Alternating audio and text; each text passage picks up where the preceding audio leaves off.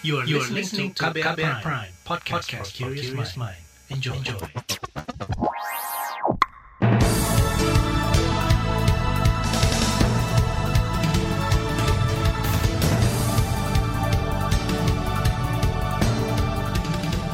Selamat pagi saudara, senang sekali kami bisa menjumpai Anda kembali melalui program Buletin Pagi edisi Senin 13 September 2021. Saya Naomi Liandra.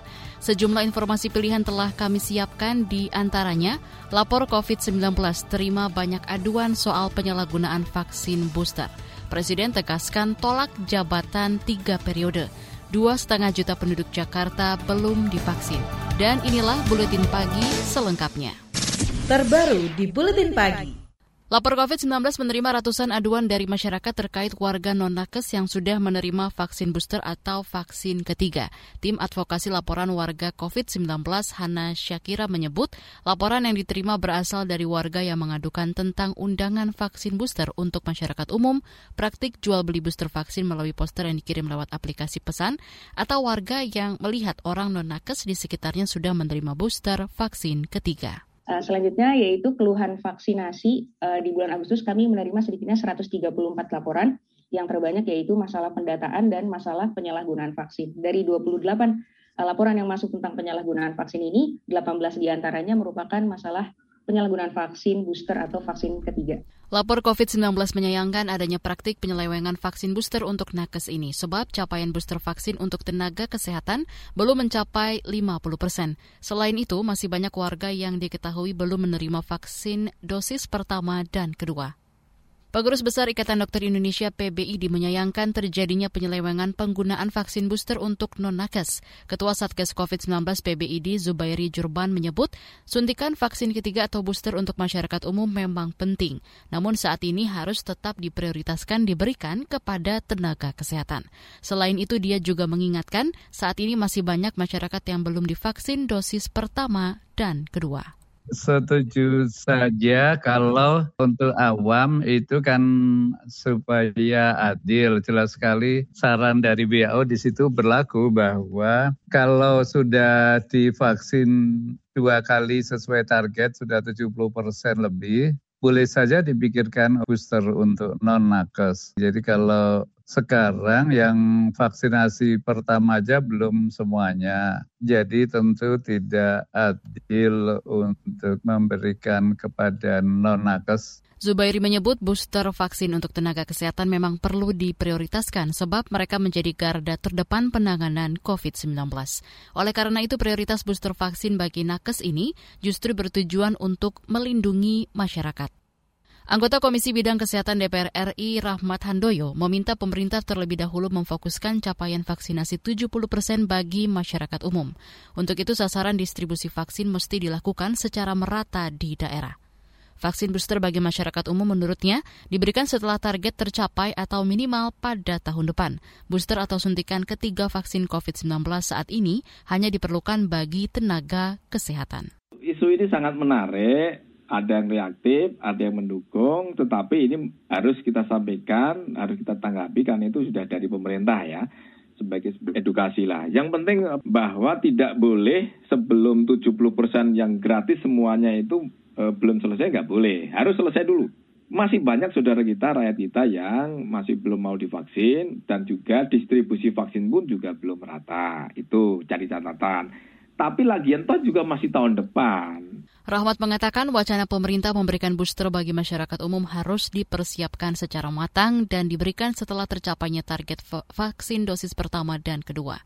Dia menegaskan parlemen akan terus mendorong dan mengawal capaian vaksinasi 70 persen. Sebelumnya, Menteri Kesehatan Menkes Budi Gunadi Sadikin mengatakan booster vaksin tidak diperbolehkan diberikan kepada selain nakes. Pasalnya hanya nakes yang saat ini memiliki urgensi untuk diberikan penambahan kekebalan tubuh melalui suntikan vaksin ketiga. Sementara masyarakat umum diharapkan menunggu hingga tahun depan. Budi mengaku dirinya sudah berdiskusi dengan Presiden Joko Widodo Jokowi mengenai penyuntikan vaksin dosis ketiga atau booster tersebut. Nantinya, skema awal bahwa putusan untuk pembiayaan vaksin dosis ketiga tersebut hanya diperuntukkan bagi penerima bantuan iuran atau PBI jaminan kesehatan. Memang isunya kenapa WHO tidak menganjurkan bukan karena masalah klinikal, tapi karena masalah etikalnya. Karena baru sampai saat ini, baru 58 juta rakyat Indonesia yang beruntung yang bisa mendapatkan akses untuk suntik pertama. Dan mungkin sekitar 30 juta yang mendapatkan akses suntik kedua. Dengan jumlah vaksin yang masih terbatas, mungkin akan lebih pas. Memang itu kita berikan kesempatan ke teman-teman kita yang even belum mendapatkan kesempatan untuk suntik pertama. Itu tadi Menteri Kesehatan Menkes Budi Gunadi Sadikin. Saudara, booster vaksin untuk masyarakat umum menjadi sorotan publik beberapa pekan terakhir. Koalisi masyarakat sipil bahkan melayangkan somasi terbuka kepada Presiden Jokowi dan Menteri Kesehatan Budi Gunadi Sadikin untuk membuka data penerima booster di Indonesia. Sejumlah pejabat sebelumnya juga diketahui mengaku kepada Jokowi sudah mendapat booster vaksin. Pengakuan itu terdengar dalam rekaman video saat Jokowi dan sejumlah pejabat melakukan kunjungan ke Kalimantan Timur Selasa 24 Agustus lalu. Lapor COVID-19 menerima aduan warga terkait booster vaksin yang diterima pejabat dan aparat serta keluarganya. Mereka juga mendapat laporan kegiatan booster vaksin di beberapa lokasi. Padahal berdasarkan surat edaran yang diterbitkan Direktur Jenderal Pencegahan dan Pengadilan Penyakit, Kemenkes pada 23 Juli lalu, aturan program booster hanya menyasar tenaga kesehatan, asisten tenaga kesehatan, dan tenaga penunjang yang bekerja di fasilitas pelayanan kesehatan. Indonesia terima vaksin dari Belanda. Informasi selengkapnya hadir sesaat lagi. Tetaplah di Buletin Pagi KBR. You're listening to KBR Pride, podcast for curious mind. Enjoy!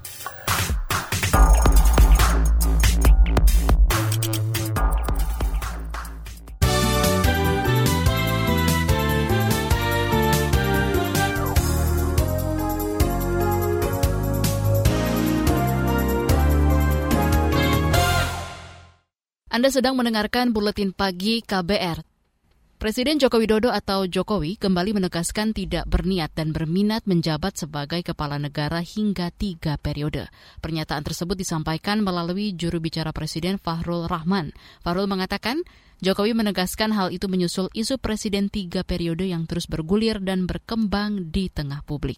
Berdasarkan pernyataan Presiden Joko Widodo pada 15 Maret 2021, saya tidak ada niat, tidak ada juga berminat menjadi presiden tiga periode. Konstitusi mengamanahkan dua periode. Itu yang harus kita jaga bersama. Ini adalah sikap politik Presiden Joko Widodo untuk menolak wacana presiden tiga periode maupun memperpanjang masa jabatan presiden. Fajrul meyakini penegasan itu adalah sikap politik pribadi Presiden Jokowi. Namun demikian terkait amandemen bukanlah ranah kerjanya melainkan MPR. Jokowi pun juga tidak ingin terlibat dalam hal tersebut. Sebelumnya isu perpanjangan masa jabatan Presiden kembali menguat.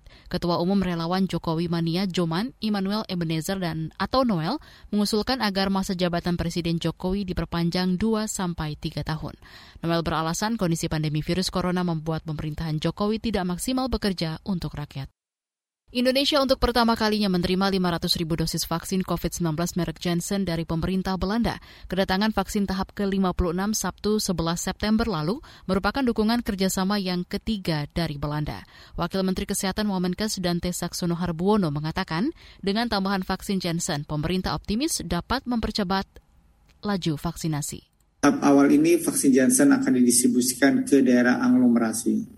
Dengan kedatangan dua vaksin ini, pemerintah optimis dapat mempercepat laju vaksinasi dan harapannya bulan ini kita dapat mencapai 2 juta dosis vaksin per hari. Wamenkes Dante menuturkan vaksin Janssen telah memperoleh izin penggunaan darurat dari Badan Pengawas Obat dan Makanan pada 7 September lalu. Vaksin akan dipakai untuk masyarakat umum berusia 18 tahun ke atas dengan dosis tunggal sebanyak 0,5 mili secara intramuskular. Pada kesempatan yang sama, Duta Besar Belanda untuk Indonesia Lambert Grange mengaku senang dengan kedatangan vaksin Johnson tahap pertama ke Indonesia. Vaksin Johnson hanya membutuhkan satu kali suntikan, sehingga efektif untuk menjangkau masyarakat di daerah terpencil sehingga hanya perlu melakukan satu kali perjalanan. Sebagai informasi, Indonesia telah memiliki total lebih dari 232 juta dosis vaksin, baik dalam bentuk bahan baku bulk maupun dosis jadi. Kementerian Hukum dan HAM Kemenkumham mengumumkan penambahan tiga orang korban kebakaran lembaga pemasyarakatan lapas kelas 1 Tangerang yang berhasil diidentifikasi. Direktur Pembinaan Narapidana dan Latihan Kerja Produksi Binapi Latker Pro, Ditjenpas Kemenkumham, Turman Hutapea mengatakan, dengan tambahan tersebut maka saat ini total 10 dari 41 orang korban berhasil diidentifikasi oleh Tim Disaster Victim Identification atau DVI RS Polri bahwa sampai hari ini seperti yang diumumkan oleh Pak Karbemas tadi, hari ini teridentifikasi tiga orang korban kebakaran lapas kelas 1 Tangerang.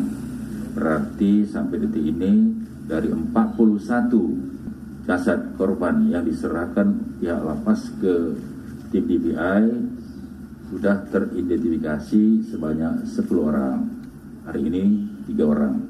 Turman mengatakan pihaknya siap menerima jasad korban yang telah teridentifikasi untuk selanjutnya diserahkan kepada pihak keluarga sesuai dengan tanggung jawab Kemenkumham.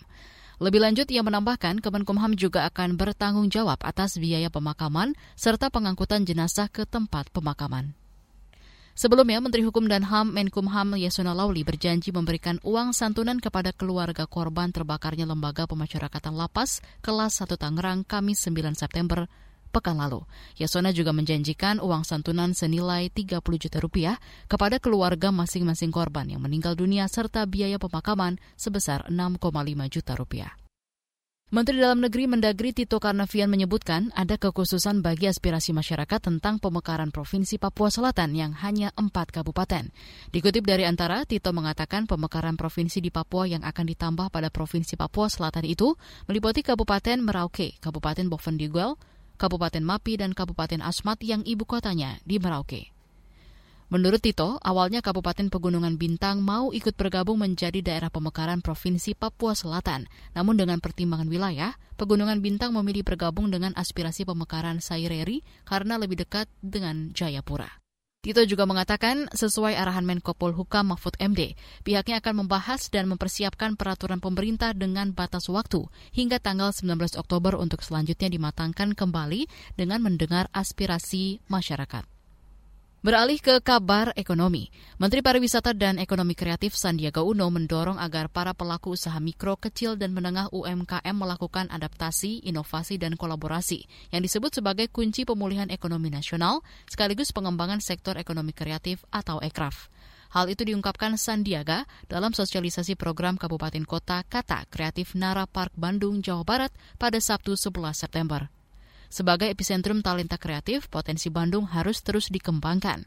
Dengan penerapan tiga langkah tersebut, Sandiaga yakin bisa fashion Bandung, bisnis fashion Bandung akan mampu bertahan bahkan berekspansi ke luar negeri. Lebih lanjut, Sandiaga mengungkapkan bahwa Kemenparekraf telah memiliki sejumlah program yang dapat langsung diterapkan guna membuka lapangan kerja baru. Kita ke informasi mancanegara. Biro Investigasi Federal Amerika Serikat FBI merilis beberapa dokumen yang berhubungan dengan investigasi insiden 9 September pada Sabtu 11 September waktu setempat.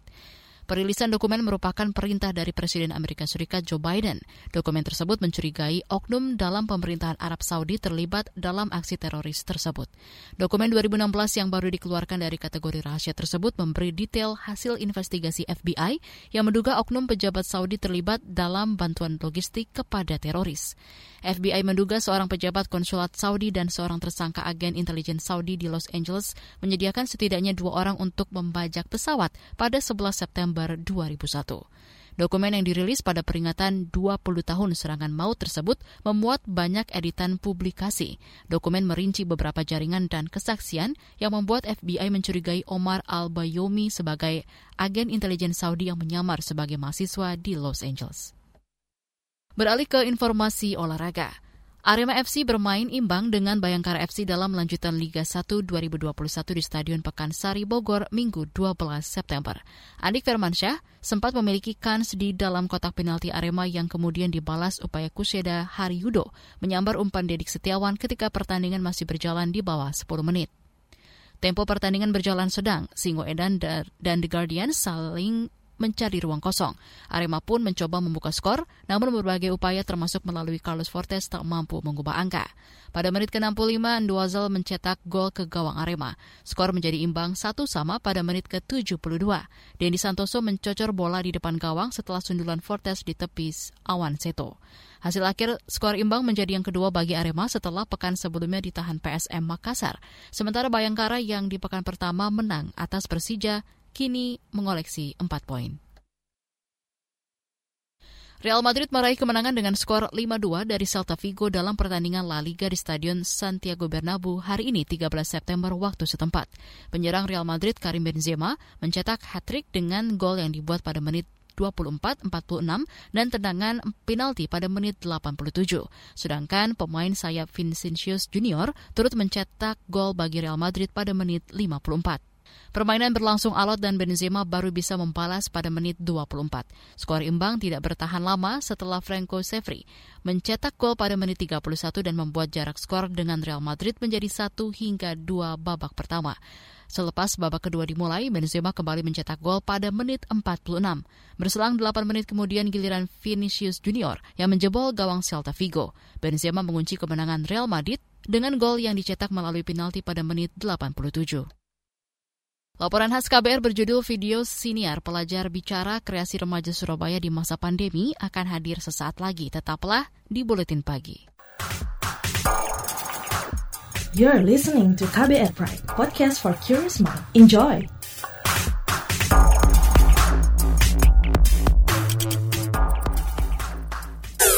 Commercial break.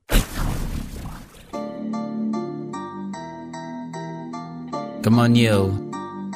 Buat yang sukanya berhoax, you better listen to this one. Check this one out, yo. Hati-hati kalau baca kabar Hoax. Jangan langsung disebar kabar yang Hoax. Kalau mau tahu kabar benar atau Hoax. Dengerin cek fakta yang pasti bukan Hoax. Dengerinnya setiap Senin yang jelas bukan Hoax. Cuma ada di kbrprime.id. Dan aplikasi podcast lainnya Hoax. Sudah cukup-cukup hoaxnya? Hoax. Cukup Jaga emosi, tahan jari, verifikasi sebelum dibagi. Saya Ari Bowo Sasmito, Ketua Komite Pemeriksa Fakta Mafindo. KBR Prime, podcast for curious mind.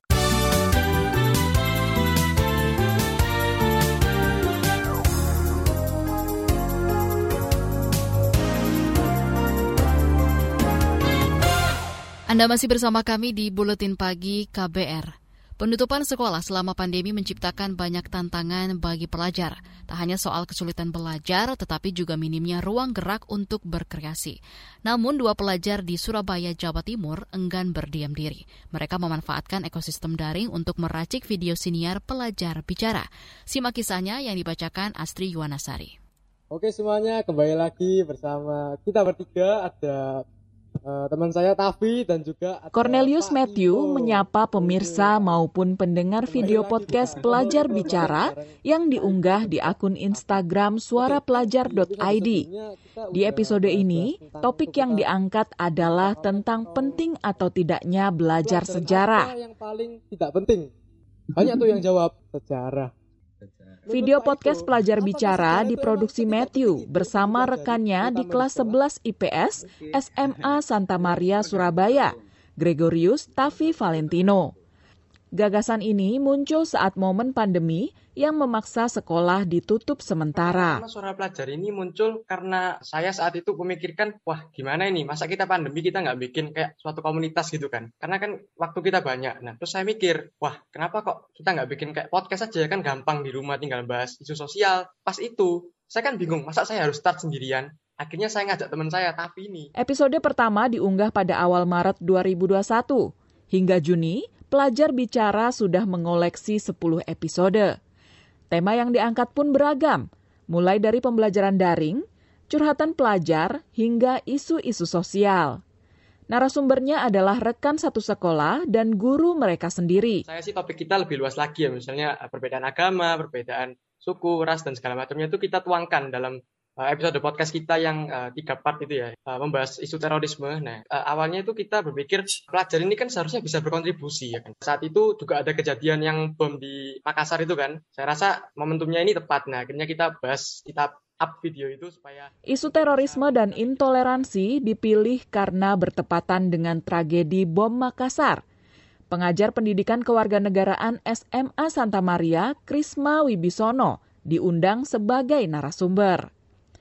Matthew memastikan selalu mendapat pendampingan dari guru dalam memproduksi konten. Perkenalkan nama saya Gregory Tafi dan saya sekarang bersama Bagi Tafi, toleransi dan keberagaman penting didiskusikan dan disebarluaskan di kalangan pelajar.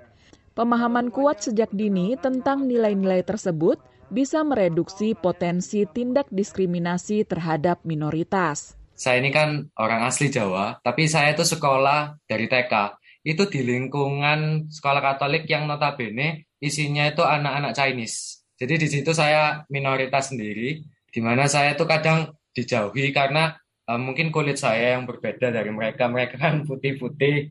Jadi keprihatinan saya pertama itu. Jadi kami pengen gimana caranya menghapuskan sifat-sifat buruk itu loh di dalam masyarakat. Mulai dari pelajar-pelajar gitu, lewat podcast kita.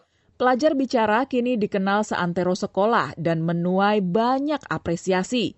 Namun, Tafi bilang inisiatif itu sempat diremehkan karena mereka masih dianggap anak remaja. Kami juga sering dapat kayak sindiran gitu.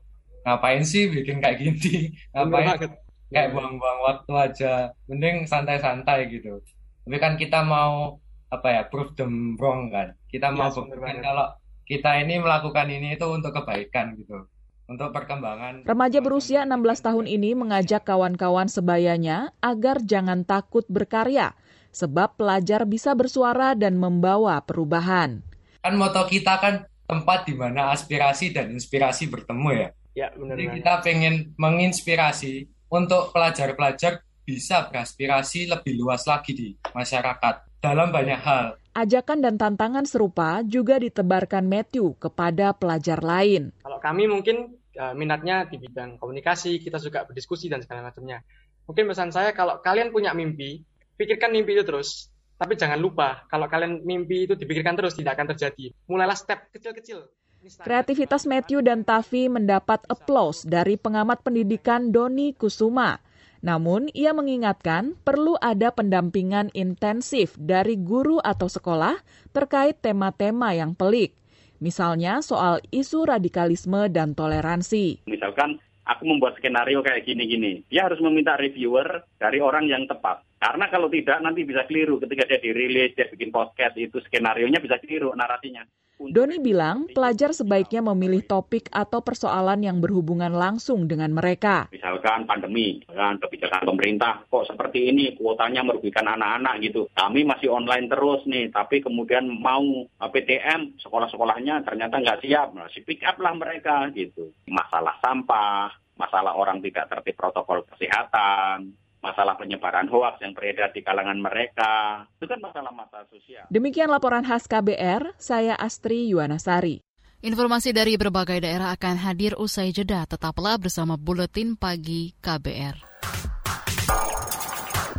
You're listening to KBR Pride, podcast for curious mind. Enjoy!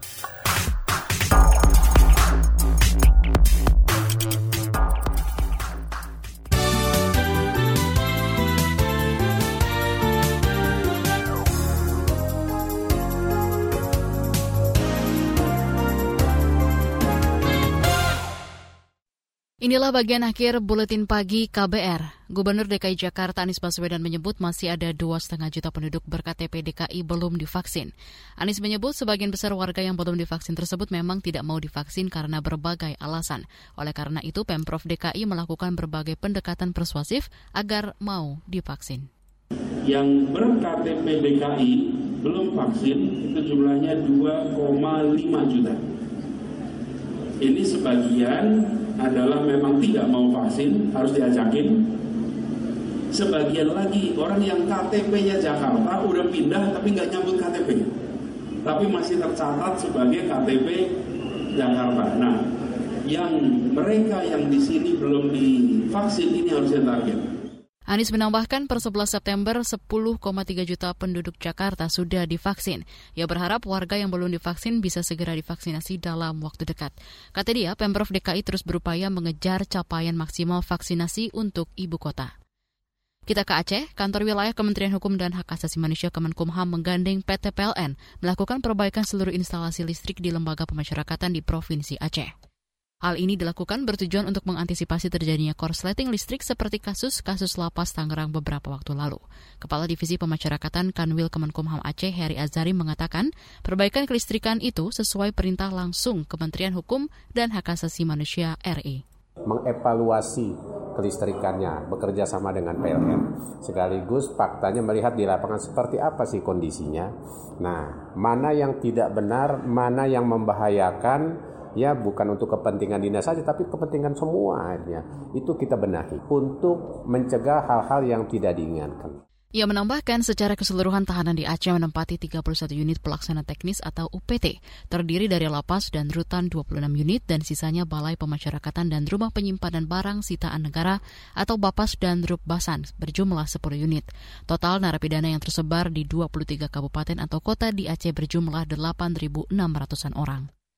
Informasi tadi menutup jumpa kita di Buletin Pagi hari ini. Pantau juga informasi terbaru melalui kabar baru, situs kbr.id, Twitter kami di akun @beritaKBR, serta podcast di alamat kbrprime.id. Akhirnya saya Naomi Liandra bersama tim yang bertugas undur diri. Salam.